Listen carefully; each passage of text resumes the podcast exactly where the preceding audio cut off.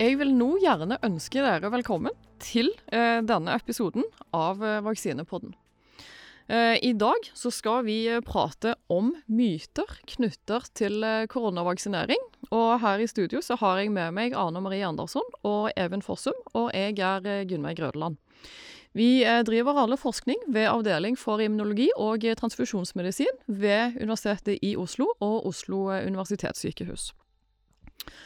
Nå er vi der at eh, i løpet av det siste gode året så har vi faktisk klart å utvikle noen vaksiner mot eh, SARS-CoV-2-viruset som er både effektive og som nå faktisk er i full gang med å bli rullet ut i eh, befolkningen. I Norge så har vi rundt en million vaksinerte, og det er egentlig eh, bare rett over et år etter at dette viruset først eh, brøt ut. Det er jo helt fantastisk. Men eh, den hurtigheten som disse vaksinene har blitt utviklet ved, den har òg gitt rom for en del spekulasjoner rundt om man faktisk har testet disse vaksinene godt nok. Og vi kan kanskje egentlig begynne der. Hvordan har disse vaksinene mot korona faktisk blitt testet, og hvorfor har dette kunnet gå så fort? Det som er viktig å huske er at eh, altså, testingen av koronavirusvaksinene har blitt gjennomført på mer eller mindre samme måte som man eh, gjør for alle vaksiner. Eh, de har måttet gjennomgå både altså, kliniske utprøvninger i fase, disse tre fasene, fase 1, 2 og 3, der man først tester for type eh, effekt, eller, altså, eller toksisitet som det kalles, av vaksinene. Forsikrer seg om at de ikke gir uventede eh, reaksjoner eh, kort tid etter vaksinering. Eh, og at de da også er effektive, at de faktisk beskytter mot sykdommen. Eh, og disse testene har jo blitt gjort i titusener av mennesker, så dette er svært omfattende kliniske utprøvninger som har blitt gjort. Eh, og som har vist da at eh, vaksinene er trygge. men Man er ikke kommet opp sånn uventede eh, bivirkninger i disse eh, testene. Og det som er viktig med det, er jo at dette har gått fortere enn normalt, fordi at alt fokus har vært på eh, utvikling av koronavaksiner. Sånn at all behandling av sant, eh, papirarbeid, dokumentasjon og sånn som det, har blitt fast-tracket i de organene som, som skal godkjenne vaksinene. Så det tar vanligvis mye lengre tid, fordi det er mye lengre ventetid også på å få gjort disse, disse tingene. Eh, og de som har utviklet vaksinene, har jo også eh, lagt på en måte arbeidsinnsatsen i å gjøre det, og sannsynligvis satt mye annet på pause, og det er mye av årsaken til at det har gått så fort. Og så tenker jeg også det er viktig å huske at, at de vaksinene som har blitt utviklet, de er jo ikke utviklet fra ingenting. De har jo blitt puttet inn i formater som man har brukt eh, og testet ut med andre virus tidligere, så man har ikke startet helt fra scratch heller når man har begynt å lage vaksinene. Jeg tenker altså, Pengene har jo sittet også ganske løst her når det gjelder å få nok støtte til å få gjennomført alle disse testene, enten da er utviklingen, eller det er bygge fabrikker for å produsere disse vaksinene, eller om det er gjennomføring av de kliniske utprøvningene. Så alt har på en måte blitt lagt til rette for at det skal gå veldig raskt.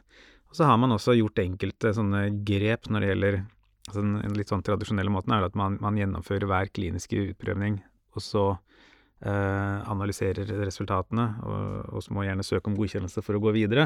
Men her har en del av disse blitt gjort litt sånn overlappende. At man har startet en fase 1-utprøvning, og så mens den pågår, gått i gang med fase 2, og så har fase 3 startet omtrent samtidig. Så da har man også fått alle disse resultatene mye raskere enn det som ville vært vanlig. Jeg har hørt en del eh, påpeke at det ikke er gjennomført noe særlig preklinisk forskning av disse vaksinene før de traff mennesker, og som har framhevet eh, at det er en ulempe for disse vaksinene. Eh, grunnen er jo rett og slett at dette er et nytt virus, og det eksisterte ikke noen troverdige dyremodeller på det tidspunktet hvor det hadde vært naturlig å teste dette i dyr. Og det er òg viktig å presisere at effekten av dyrestudier alltid er begrenset, fordi vi faktisk er mennesker. Eh, sånn at selv de beste modeller som brukes når de er ferdig utvikla, har sine svakheter, og både effekt og sikkerhet av vaksiner, der ligger fasitsvaret i mennesker. Eh, sånn at det anser jeg ikke som en svakhet ved selve studien. Og som dere begge har påpekt, biologien i disse studiene gjennom fase 1, 2 og 3 har tatt den tiden det vanligvis tar. Og veldig tidlig i 2020 så forpliktet jo alle de seriøse vaksineprodusentene seg til å følge normale retningslinjer for testing og utvikling av vaksiner, til tross for politiske insentiver, bl.a. fra daværende amerikansk president, om at det burde man kunne legge til side. Det gjorde de ikke. Eh, så det er jo eh, veldig viktig. Testene har blitt gjennomført på normal måte, og er ordentlig solid. Så tenker jeg også det er viktig å si da at, ehm, at uh, kliniske studier har jo alltid ulemper knyttet til seg um, når man prøver ut nye legemidler, det være vaksiner eller andre ting. Og en av de ulempene er jo at man kan ikke ha med et ubegrenset antall individer i en, i en klinisk studie, og det gjelder også vaksinestudier. Man må begrense seg til gjerne et par 10 000 kanskje, er jo egentlig en ganske stor klinisk eh, studie som får det legemiddelet man prøver ut. Og da vil man heller ikke oppdage ting som er sjeldnere enn det antallet man tar med, før man begynner å, å bruke det i fler. Og det er jo på en måte noe som, som ligger til grunn ved all utprøvning av legemidler, ikke bare covid-vaksinene som vi har fått nå. Ja, og her kommer vi jo rett til et av de spørsmålene eh, som ofte stilles. Hvorfor oppdaget vi ikke disse alvorlige bivirkningene etter vaksinering med AstraZeneca? Nå er jo den sammenhengen eh, rimelig åpenbar. Så hvorfor så vi ikke dette tidligere, og kunne vi ha gjort noe for å se dette tidligere? Som Ane nevner her, da, så det jo, går det jo på eh, antall personer som er eh, innlemmet i disse studiene. Uh, og selv om det er snakk om store kliniske studier som er blitt gjennomført for disse ulike vaksinene, så, så vet vi forekomsten av, av denne bivirkning, alvorlig bivirkning fra AstraZeneca-vaksinen. Den varierer noe i forhold til hvilke land du ser i, men den kan sier at frekvensen ligger på omtrent én på 20 000, som er sett her i Norge, men eh, i andre land så har den vært betydelig lavere. Eh, og da er det snakk om én på 100 000, én på 200 000. Og da snakker du om en, altså en, bivirkning som er så sjelden at det vil være fryktelig vanskelig å plukke den opp i en klinisk utprøvning. Det er en sånn generell tommelfingerregel, tommelfingerregel at eh, skal du plukke opp en bivirkning, så må du gjerne vaksinere tre ganger så mange som på en måte forekomsten av denne, denne bivirkningen. Eh, og da snakker du plutselig om at vi måtte gjerne ha vaksinert hundretusener av mennesker eh, i en sånn klinisk utprøving. Og er, da er du på antall som er fryktelig vanskelig å gjennomføre. Da er du egentlig godt i gang med vaksineutrulling, er du ikke egentlig det? Du er jo egentlig det, da. Ja. og det er jo også grunnen til at disse vaksinene monitoreres så tett etter at de rulles ut. Det er jo at man anser jo på en måte at um, utprøvningen er jo ikke helt ferdig ved slutten av den kliniske studien. Det er jo fremdeles viktig å overvåke potensielle bivirkninger når det rulles ut i fler. Og der syns jo jeg at det som har skjedd med AstraZeneca-vaksinen, eh, særlig i Norge, hvor jo forekomsten av alvorlige bivirkninger har vært høyere enn andre steder, eh, har vært på en eller annen måte betryggende, fordi at eh, reaksjonstiden var så kort når man, når man så at eh, det var noe som ikke stemte overens med det man hadde forventet, og så stoppet man bruken av vaksinen. Eh, og det for meg vekker tiltro til, til overvåkningssystemene eh, som vi har på plass. Jeg tenker òg som deg, Arne, at det inngir tillit, først og fremst, til håndteringen. Ved at man ser at her er det først en mulig sammenheng, som man rett og slett ville ta en pause for å finne ut om var sannsynlig. Eh, og deretter, etter hvert som det har eh, blitt mer og mer sannsynlig, så har man tatt tiltak i tråd med det. Så man er åpen for at det hele tiden kommer ting man ikke kjente til, og opptrer tilsvarende. Det absolutt er noe som eh, inngir tillit. For denne her variasjonen i forekomst også, av den alvorlige bivirkningen, er jo også noe som Um, utgangspunkt for å snakke om en annen svakhet ved all klinisk utprøvning, er jo at når du bare kan ha med et begrenset antall mennesker i en studie, så har du også begrenset variasjon i det utvalget som er med. Um, og det være seg variasjon i eh, alder, kjønn, underliggende sykdommer og tilstander, hvor man kommer fra, hva slags etnisitet man har, og sånn som det vil være begrenset eh, i en klinisk studie. Og det ser man heller ikke før senere. Det stemmer. Det er sånn at en eh, del av disse vaksinene som eh, nå eh, er tatt i bruk, eller er nære ved å bli tatt i bruk, eh, er basert på vaksinetyper som oppfattes som svært nye. Og hvor det har vært spekulasjoner rundt om vi faktisk forstår hva de gjør. Eh, da er jo på en måte svaret fra oss forskere som har drevet med vaksiner i en årrekke, at eh, vel allerede lenge før vi tre ble forskere, så var det ganske mye forskning på mange av disse ulike typene som eh, nå er tatt i bruk. Mange av disse har vært testet i forskningsverden de siste 20-30 årene, og det er ingen tvil om hvordan formatene i seg selv fungerer. Det som jo det er tvil om, og det gjelder alle vaksiner uavhengig av eh, format, er jo selvsagt eh, hva som skjer når du utsetter eh, vaksine, eller når du putter inn i vaksinen eh, biter av koronaviruset. Eh, og det er jo noe som der er noe data på fra før, fra andre virus. Men vår utgangspunktet jo er at vi står overfor et nytt virus hvor det er heftet eh, veldig mye usikkerhet. Eh, en av de observasjonene som kan gi grunn til eh, litt bekymring, er jo at eh, de dyrestudiene som tidligere ble gjort, bl.a. mot sars-viruset rundt 2003, eh, i noen tilfeller faktisk viste at i dyremodeller så fikk du økt grad av sykdom etter vaksinering. Og da snakker vi om antibody dependent disease enhancement. Dette er jo problematisk, eller hva tenker du?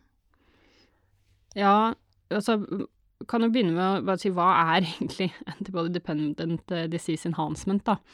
Det handler vel egentlig om at uh, i stedet for å produsere antistoffer som har en beskyttende eh, effekt, som nøytraliserer virus, og som hindrer at viruset infiserer celler, eller som merker virus sånn at det blir ødelagt av immuncellene dine, så kan antistoffene ha en effekt som gjør det enklere for cellen, for, eller for viruset, å komme inn i, inn i cellen din, eh, for eksempel. Eh, og det er jo på en måte beskrevet, og, og kan, kan skje. Eh, det har derimot ikke blitt observert ved bruk av de koronavaksinene som, som nå er tatt i bruk i, i større befolkninger. Eh, tvert om så viser jo alle eh, studiene som er gjort, at disse vaksinene er veldig effektive for å forhindre alvorlig sykdom, eh, og også mildere sykdom hos de som får dem. Så det er ingen tegn til at man får kraftigere sykdom av å bli vaksinert. Jeg tenker dette viser jo også kanskje noen av disse begrensningene ved enkelte dyremodeller, som, som ble nevnt her tidligere.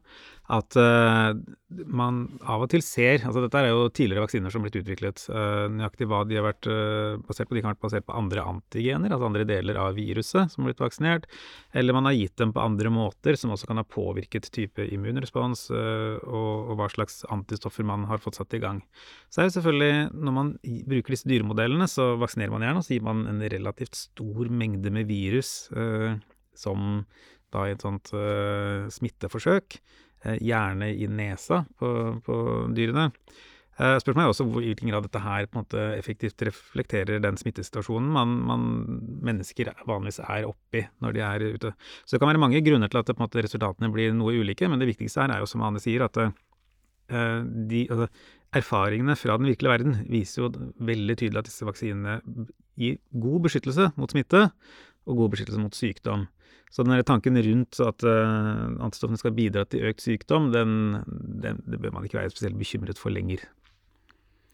Jeg har jo også sett enkelte studier som har prøvd å se på om den ADE-mekanismen, hvor antistoffer fremmer sykdom, kan være forklaringen på at eh, noen blir mye sykere av covid enn andre, og man kan finne den typen antistoffer hos dem.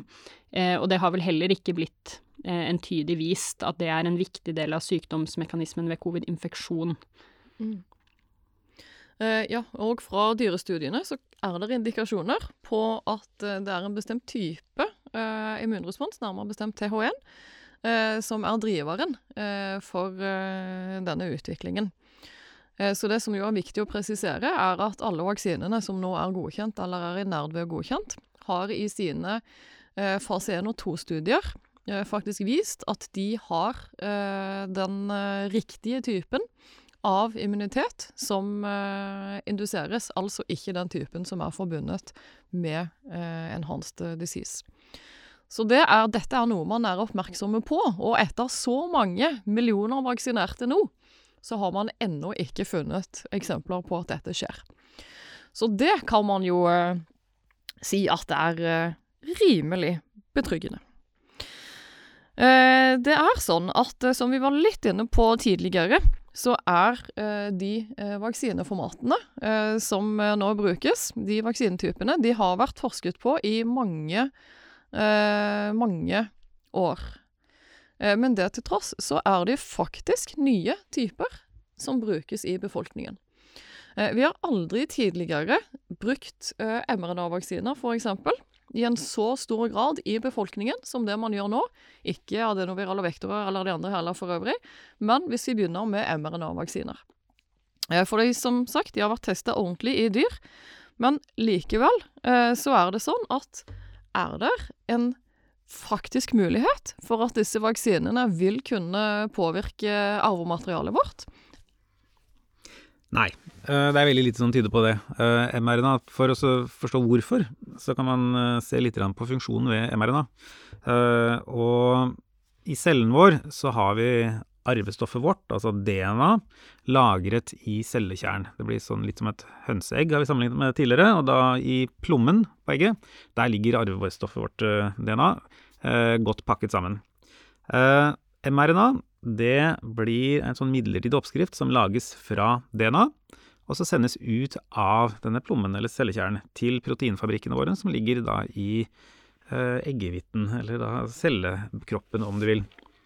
Og, og, der omsettes disse til disse overflateproteinene på, på SARS-CoV-2-viruset, som da gir den som immunforsvaret vårt reagerer på.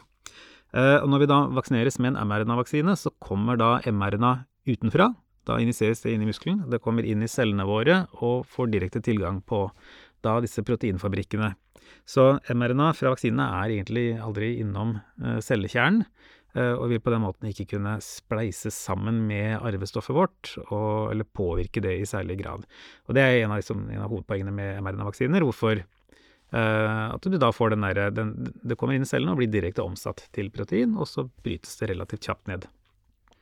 Ja, RNA er jo eh, notorisk ustabilt. Det er jo ikke noe som er særlig eh, godt designet til å ta vare på seg selv eller bestå i utgangspunktet.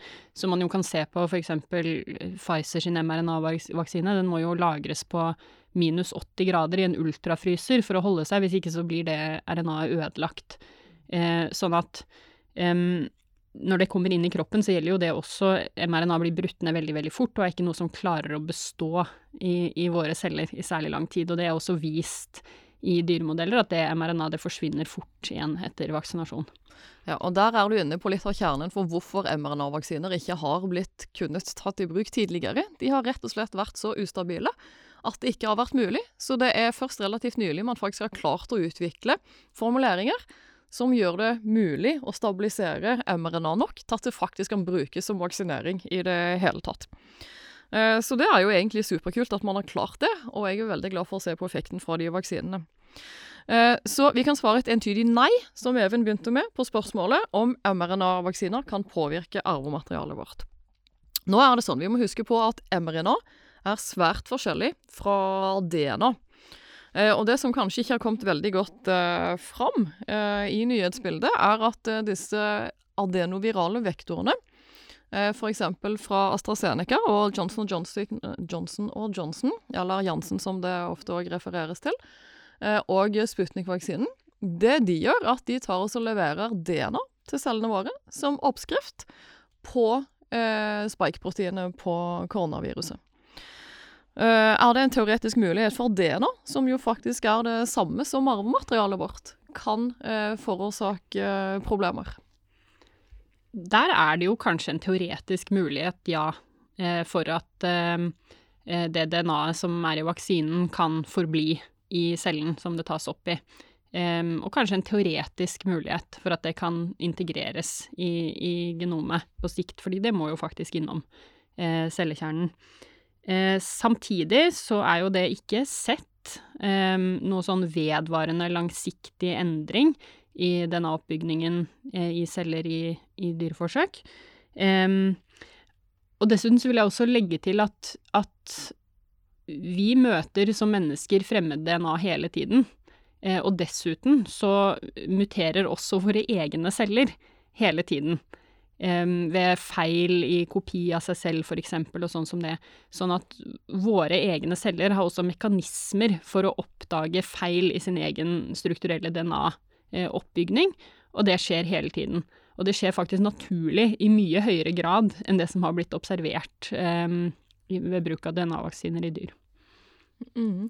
Eh, og det som eh, kanskje òg må legges til, at selv hvis du skulle eh, få en eh, celle der du fikk integrasjon av eh, vaksine-DNA inn i denne cellen, så er det immunsystemet vårt eh, vil gjøre, for det er ganske fantastisk, egentlig. Det tar oss og gjenkjenner disse cellene som produserer vaksine.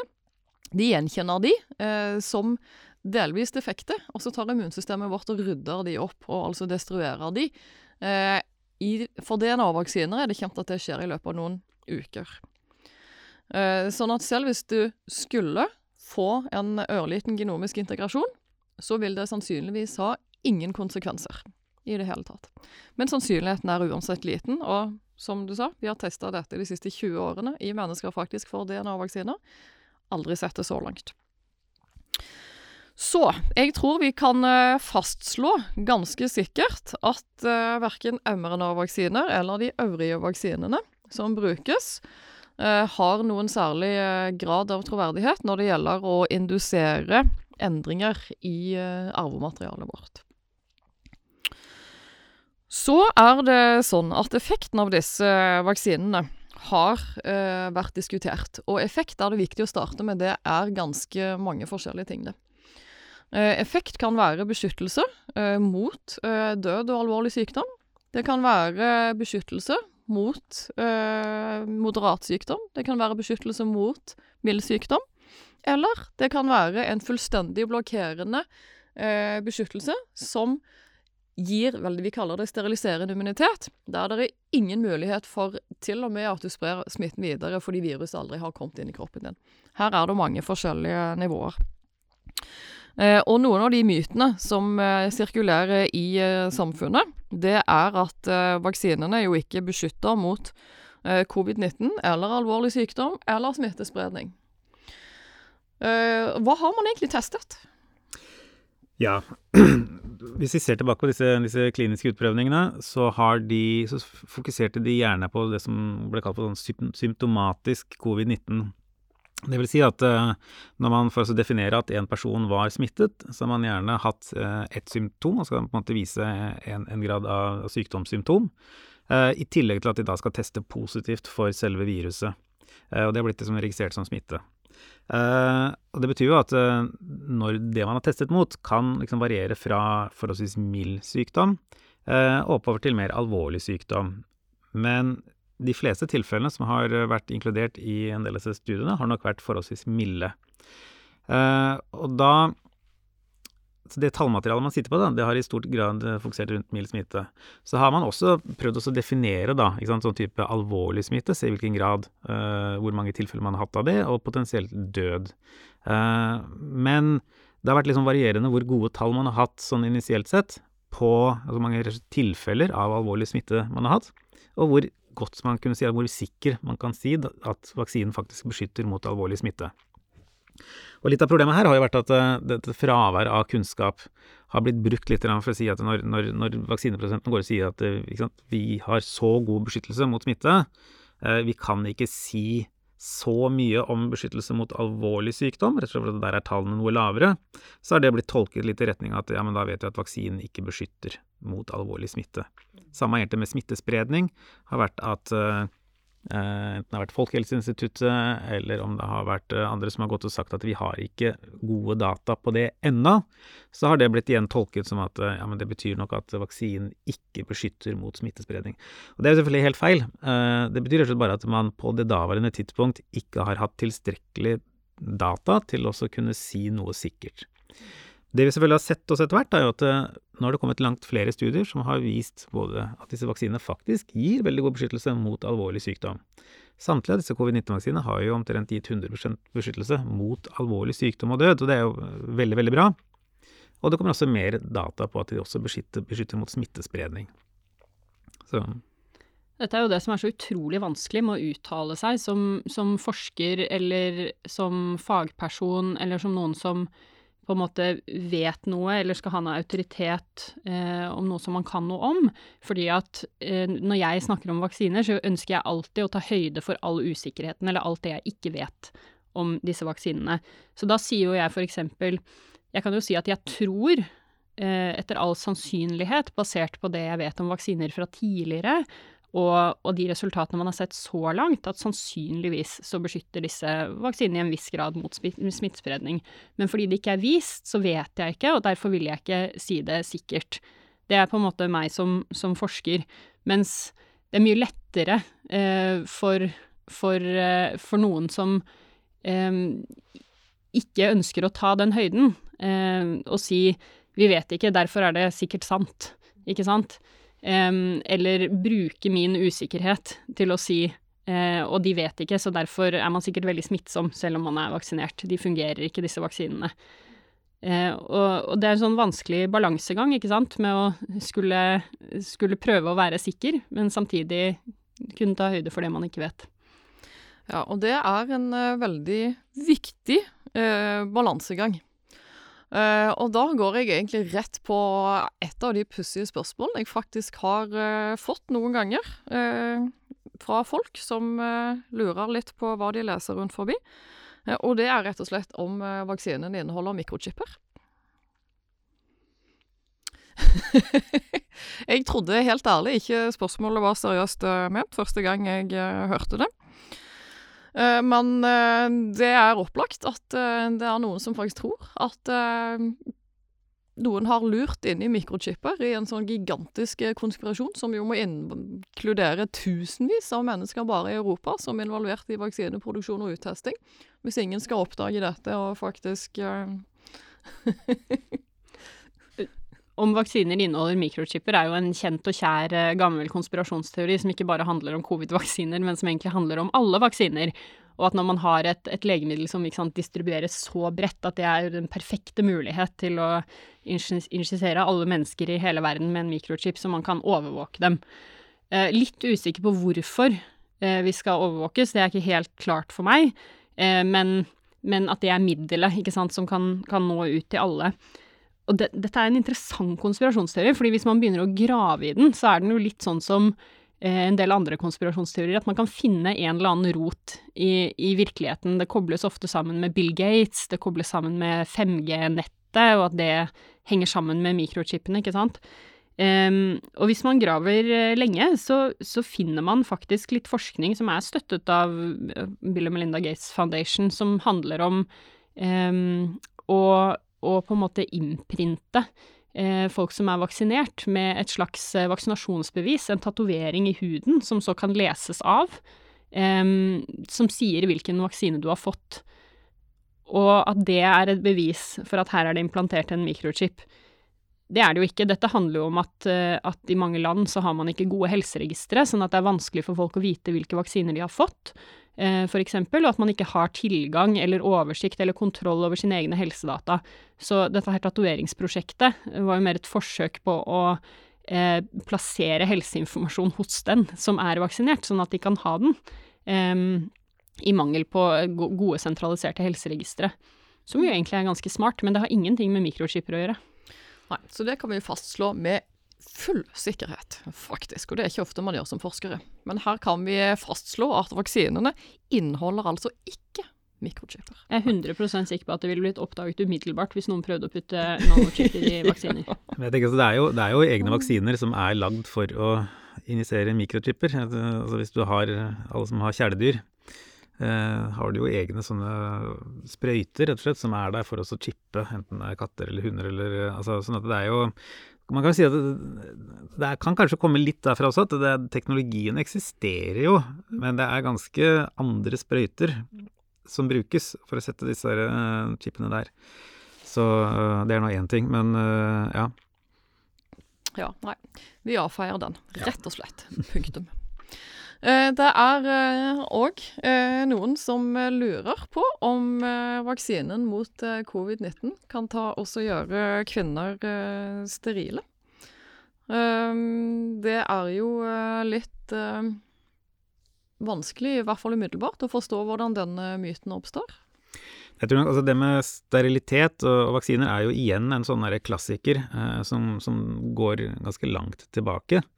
Eh, og det har vært sånne ideer rundt det at ulike vaksiner, uh, utru, altså gjerne sånne utrulling av store vaksinasjonsprogrammer, er en del av å liksom enten ta liv av en befolkning eller gjøre en befolkning steril for å forhindre altså befolkningsvekst. Uh, og dette sterilitetsmyten, uh, den har jo delvis dukket opp ved utrulling av uh, sånn DTaP-vaksinen, altså vaksinen mot difteri, tetanus, altså stivkrampe, og kikhoste i Afrika. Det var på begynnelsen av 80-tallet. og da, da, var det sånne vaksinasjonskampanjer som ble eh, angrepet av, av mis, altså feilinformasjon, som gikk på det at da, disse, dette var vaksiner, dette var forsøk på å gjøre befolkningen kvinnene sterile, og som også resulterte da i angrep på disse vaksinatørene, at eh, folk ble drept pga. at folk trodde på denne feilinformasjonen. Lignende ting har man også sett f.eks. i Pakistan og eh, Afghanistan, altså under eh, polio, altså bekjempingen av polio, der lignende myter har blitt spredd om poliovaksinen, og som igjen har ført til direkte angrep og drap av altså helsearbeidere som jobber med å vaksinere. Så det er tydelig at det, altså den type myter Man kan kanskje le litt av det og si at det er tullete, men, men, det har ganske alvorlige konsekvenser når den type tanker får etablert seg i, visse grupper. En ting som jeg ofte tenker på når, eh, når, når man snakker om denne her typen eh, på en måte eh, konspirasjoner eh, knyttet til vaksinasjon eller annen helsebehandling, er jo dette her frivillighetsprinsippet eh, som, som, egentlig bør ligge til grunn ved all medisinsk behandling, også vaksinasjon, at det skal være frivillig å, å ta vaksinen. Og eh, det er jo faktisk sånn at i eh, vår rimelig nye eh, historie eh, som menneskehet, så um, har det jo blitt på en måte utført medisinsk behandling under tvang på mennesker, da, inkludert sterilisering. Um, og um, når man har snakket om vaksinasjon og frivillighet av vaksinasjon, eller obligatorisk tvangsmessig vaksinasjon, særlig i USA, så har den debatten også vært knyttet sammen med eh, lover som har tillatt eh, bruk av annen medisinsk behandling, inkludert sterilisering ved tvang som også gjør at de to debattene blør over i hverandre. Men vaksinasjon er frivillig i Norge. Det er ingen som tvinger deg eh, til å, å, vaksineres. Og vaksinene gjør deg heller ikke steril.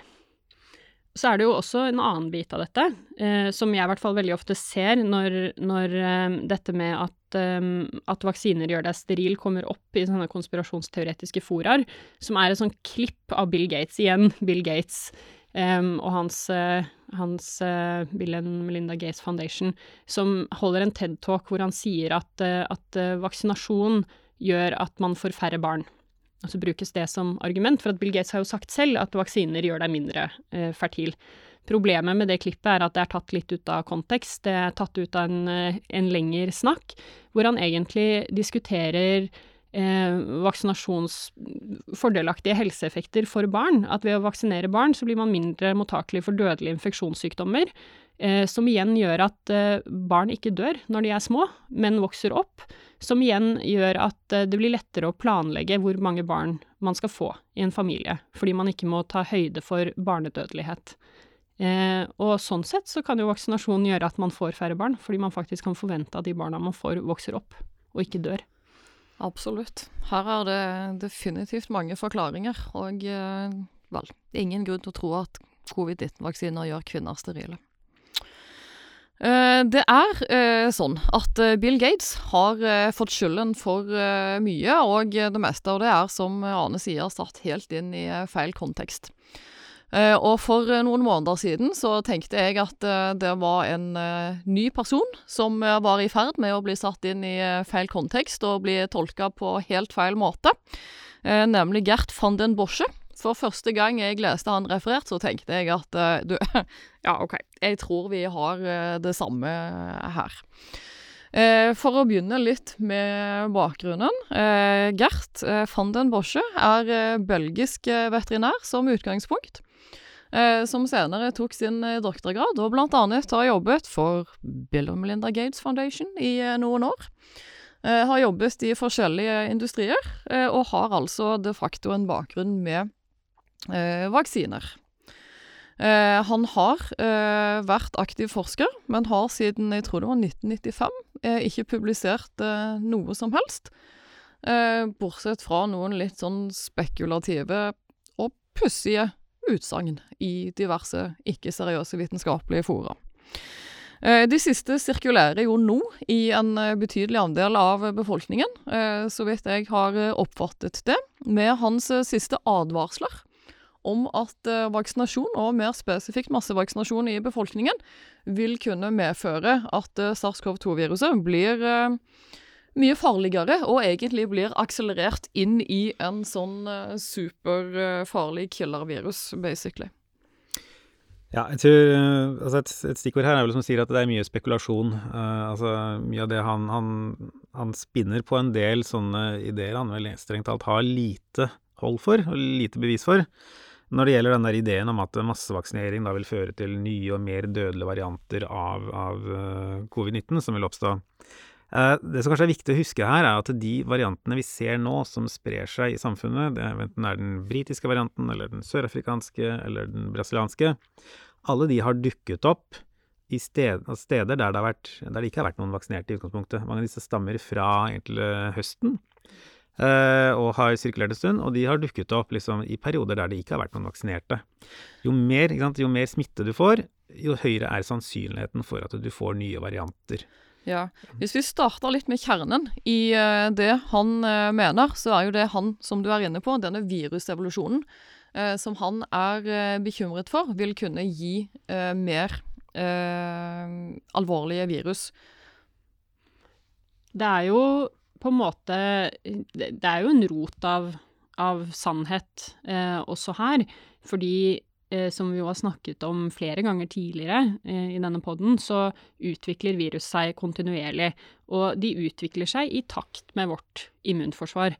Eh, som betyr at hvis jeg er immun sant, mot et virus, så vil et virus som har forandret seg så mye at jeg ikke lenger er immun og kunne infisere meg, um, kunne gjøre det, og derfor potensielt spre seg til andre som har den samme immunbakgrunnen som jeg har. Um, og sånn er det bare. Det er virusevolusjonen. Den, den utvikler seg i takt med oss.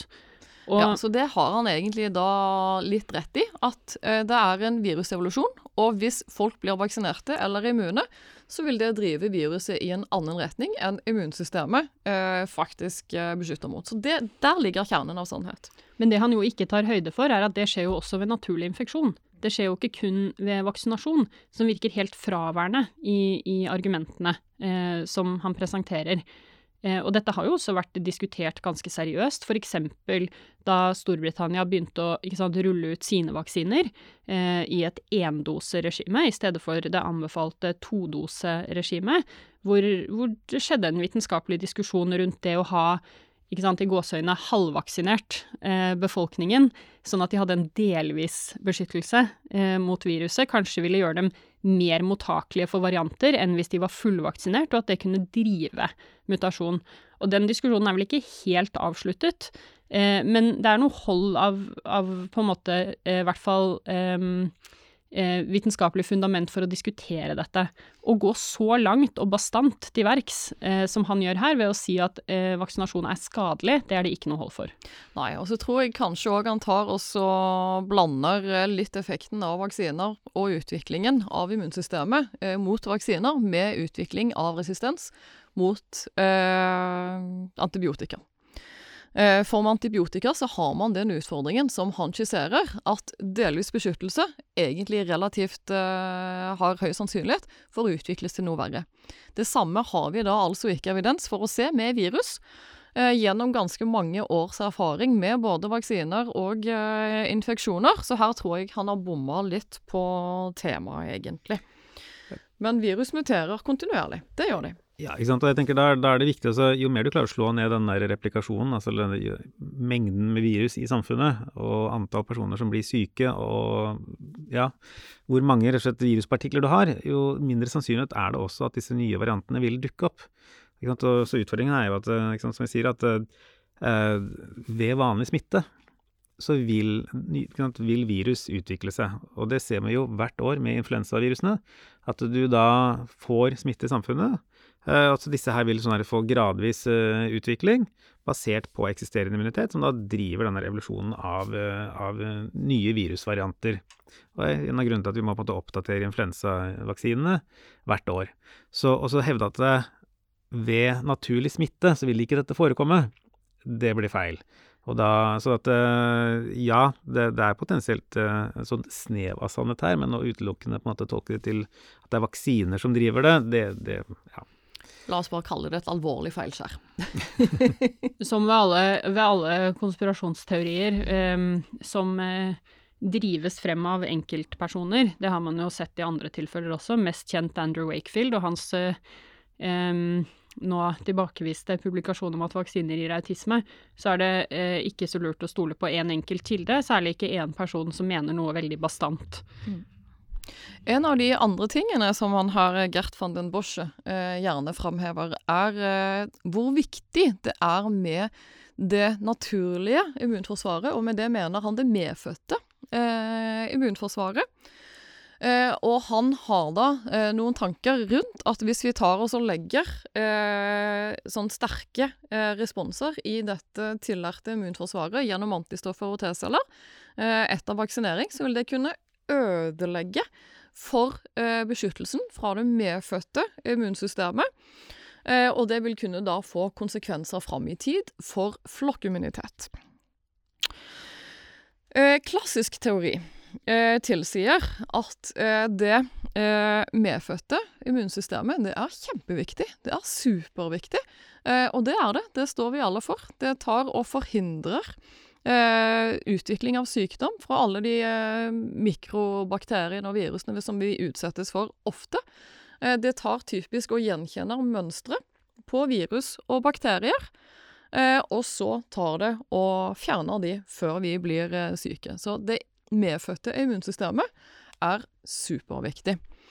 Eh, og så er det da en av de klassiske tingene som skiller det medfødte fra det eh, tillærte, at det tillærte kan gjenkjenne spesifikke virus og danne immunologisk hukommelse.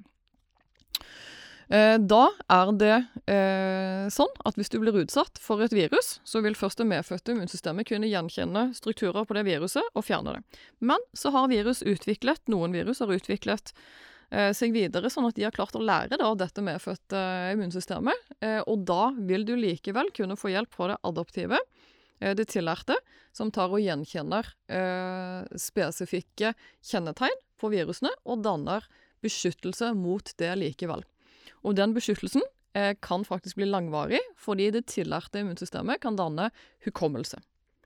Den klassiske teorien har vært at det kan ikke det medfødte immunsystemet, fordi det da ikke er spesifikk gjenkjennende for strukturer som er spesifikke for et bestemt virus. Eh, sånn at eh, utgangspunktet for eh, uttalelsene til eh, Gert van den Bosche faller fullstendig på eh, steingrunn, med tanke på rasjonalitet eh, rundt forklaringene. Så er det likevel, som Arne har påpekt flere ganger, det er et snev av sannhet. Det er et lite fundament som dette kan ha vært spunnet ut fra. Eh, og det eh, er eh, hans, et av hans andre argumenter. Det er knyttet til NK-celler, såkalte natural killer-celler, som typisk tar og dreper celler i kroppen vår som er infisert av virus, fordi det ikke lenger har eh, MOC-reseptorer, altså kjennetegn, på overflaten som type presenterer virus og bakterier til immunsystemet. Fraværet av den presentasjonen er den klassiske måten som NK-celler kan ta også drepe celler på.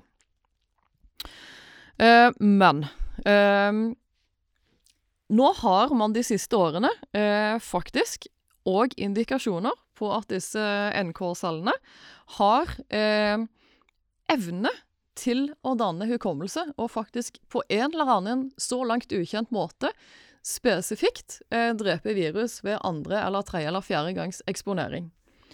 Eh, det gjelder bl.a. CMV, influensa.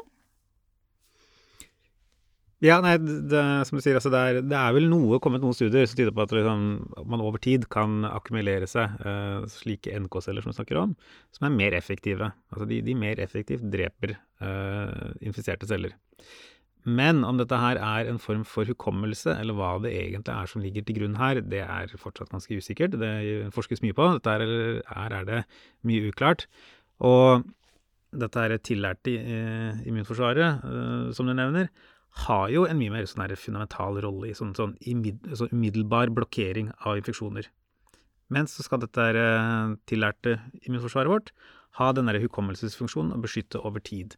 Så at uh, å legge inn og hevde da, som du sier, da, at det, det medfødte immunforsvaret uh, ødelegger for det tillærte, det strider veldig mot mye av altså, det vi egentlig kjenner fra immunologien. Og disse to henger jo også sammen. ikke sant? Altså Påvirkninger fra det medfødte immunforsvaret har gjerne en sånn der, er viktig for å få god hukommelse. Sånn at ja. Det er, det er, som sagt en, en god del spekulasjoner. Noe kan ha en kime av uh, altså Det kan være av, av, interessant forskning som gjøres nå, men å trekke det til de konklusjonene han gjør, det blir ja. Pussig. La oss kalle det det å være hyggelig. Ja. Det er jo ikke, ikke, ukjent, ikke, ikke ukjent argument at vaksinasjon mot en sykdom gir dårligere beskyttelse enn det å få, den, eh, få infeksjonen fra naturens eh, side. Um, og her blir det litt uh, blir også litt for bredt å skjære alle sykdommer over én kam og si at det gjelder universelt uh, for alt vi kan bli infisert av. Det er på en måte det første. Uh, og der jeg møter den ideen oftest, er kanskje med sesongvaksinasjon mot, mot influensa. Eh, som kanskje også henger sammen med at de vaksinene jo ikke, gir jo ikke 100 eh, beskyttelse i utgangspunktet, og at noen bruker det som argument til å si at det å få naturlig influensainfeksjon vil gi en bedre og langvarig beskyttelse, men den beskyttelsen man får der, vil heller ikke beskytte mot nye influensavarianter eh, som utvikler seg fortløpende. Um, og det er kanskje overførbart til vaksinasjon og infeksjon med, med covid-19, uten at man kan si det egentlig sikkert eh, per nå. Hvor god langsiktig beskyttelse man får av det ene og det andre, hvor god bredde i beskyttelsen eh, man får av det ene og det andre, det gjenstår å se. Men det som disse uttalelsene ikke tar høyde for overhodet, som vi også har vært inne på tidligere i denne podkasten, er hva er alternativet her? Er det flokkimmunitet gjennom å la denne pandemien og dette viruset rase gjennom hele befolkningen? For det tror ikke jeg man kan oppnå eh, ved naturlig infeksjon, eh, med de prosentene smittede man, man, må opp på. Ikke sant? Og da må man bruke vaksiner som alternativ, og vaksiner er det som kan gi oss eh, flokkimmunitet. Så kan man kanskje se for seg en fremtid hvor eh, dette eh, koronaviruset går over fra å være et pandemisk eh, virus til å være et sesongvirus som kanskje sirkulerer hvert år. Kanskje man er nødt til å oppdatere vaksinene og tilpasse dem til, til fremtidige varianter. Det vet vi ikke ennå. Mm. Det som er litt pussig med han her Gert van den Bosche, eller typisk for konspirasjonsteoretikere, er at han hevder å ha en fantastisk vaksine som eh, aktiverer eh, NK-celler. Eh, men det er jo ikke et fnugg av data for å underbygge disse påstandene. Sånn at det som er opplagt, er at immunsystemet er komplekst, og det er ganske mye vi foreløpig ikke forstår når det gjelder NK-celler. At de har større kapasiteter enn klassisk teori eh, hittil har eh, indikert, er definitivt en mulighet, men vi vet ikke helt hvordan dette faktisk eh, henger sammen ennå. For å si det sånn, jeg ville vært veldig interessert i å se en vaksine som også induserte en type mer spesifikk eller bedre eller målbar eh, NK-cellerespons mot, mot, det viruset man vaksinerte mot. Men jeg ville nok ikke stolt på den hvis den også fjernet uh, den klassiske komponenten av uh, antistoffmediert uh, og kanskje også T-cellemediert hukommelsesbeskyttelse mot sykdommen. Ja, definitivt. Så det vi kan slå helt fast, er at det er overhodet ingen evidens for at dannelse av tillært immunitet, som altså ved vaksinering er det som skjer, har noe som helst ødeleggende effekt på det medfødte immunsystemet, men at det selvsagt er en grunn til at vi driver og forsker på immunsystemet og syns det er superkult, det er rett og slett at det er mye vi ikke vet. Eh, og eh, det eh, Jeg tror vi skal avslutte med et eh, ganske relevant spørsmål, som egentlig er hvor ligger bevisbyrden? Og da er spørsmålet hvorfor er det alltid vi som må bevise ikke at bare vi har eh, gode argumenter for hva vi hevder, men òg at de andre faktisk tar eh, feil. Her burde man heller stille spørsmål ved de som eh, har et sterkt fravikende syn på eh, vel, vaksiner og andre ting, om de har noen grunn til å hevde det de faktisk gjør. Jeg syns eh, en god Det er jo mange mange gode tester man kan kjøre for å avdekke om det man, det man eh, leser eller, eller, ser på, um, har noe hold, om det har vitenskapelig fundament. Det ene er jo um, hvem som er eh, avsenderen, uh, og om den som er avsenderen også er den som er ansvarlig for å bevise uh, at, at, de har rett. og jeg syns også at en god test er å se etter usikkerhet og modererende argumenter hos den som er avsender, altså evnen til å på en måte um, se selv um, på det man sier, og si dette er det vi vet, men dette er det vi også ikke vet. Mm. Ja, da rett og slett helt til slutt bare være veldig klar på at jeg noen ganger faktisk har blitt presentert med YouTube-videoer av mer eller mindre relevante forskere som grunnlag for eh, bevis av da antivaksere. Og la meg være helt klar på én ting. Det er ikke bevis. Hvis det ikke har noe seriøs uh, Hvis det ikke har noe mer seriøs framføring enn en YouTube-video, og ikke har noen data som ligger til grunn for påstander som eventuelt framføres der, så kan det ikke tas alvorlig. Uh, vi uh, avslutter der. Jeg vil gjerne takke for at dere fulgte oss til slutten på en ganske lang episode av uh, Vaksinepodden. Det er mye mer vi kunne sagt om disse temaene. Det er veldig mange flere vaksinemyter uh, vi kunne tatt for oss. Det er veldig mye mer gøy vi kunne ha pratet om. Uh, dette var nok for i dag, tenker jeg. Så kommer vi tilbake. tusen takk for at du fulgte oss, og tusen hjertelig takk til Morten Skoglund ved Seksjon for medisinsk informatikk, som har bistått oss med det tekniske.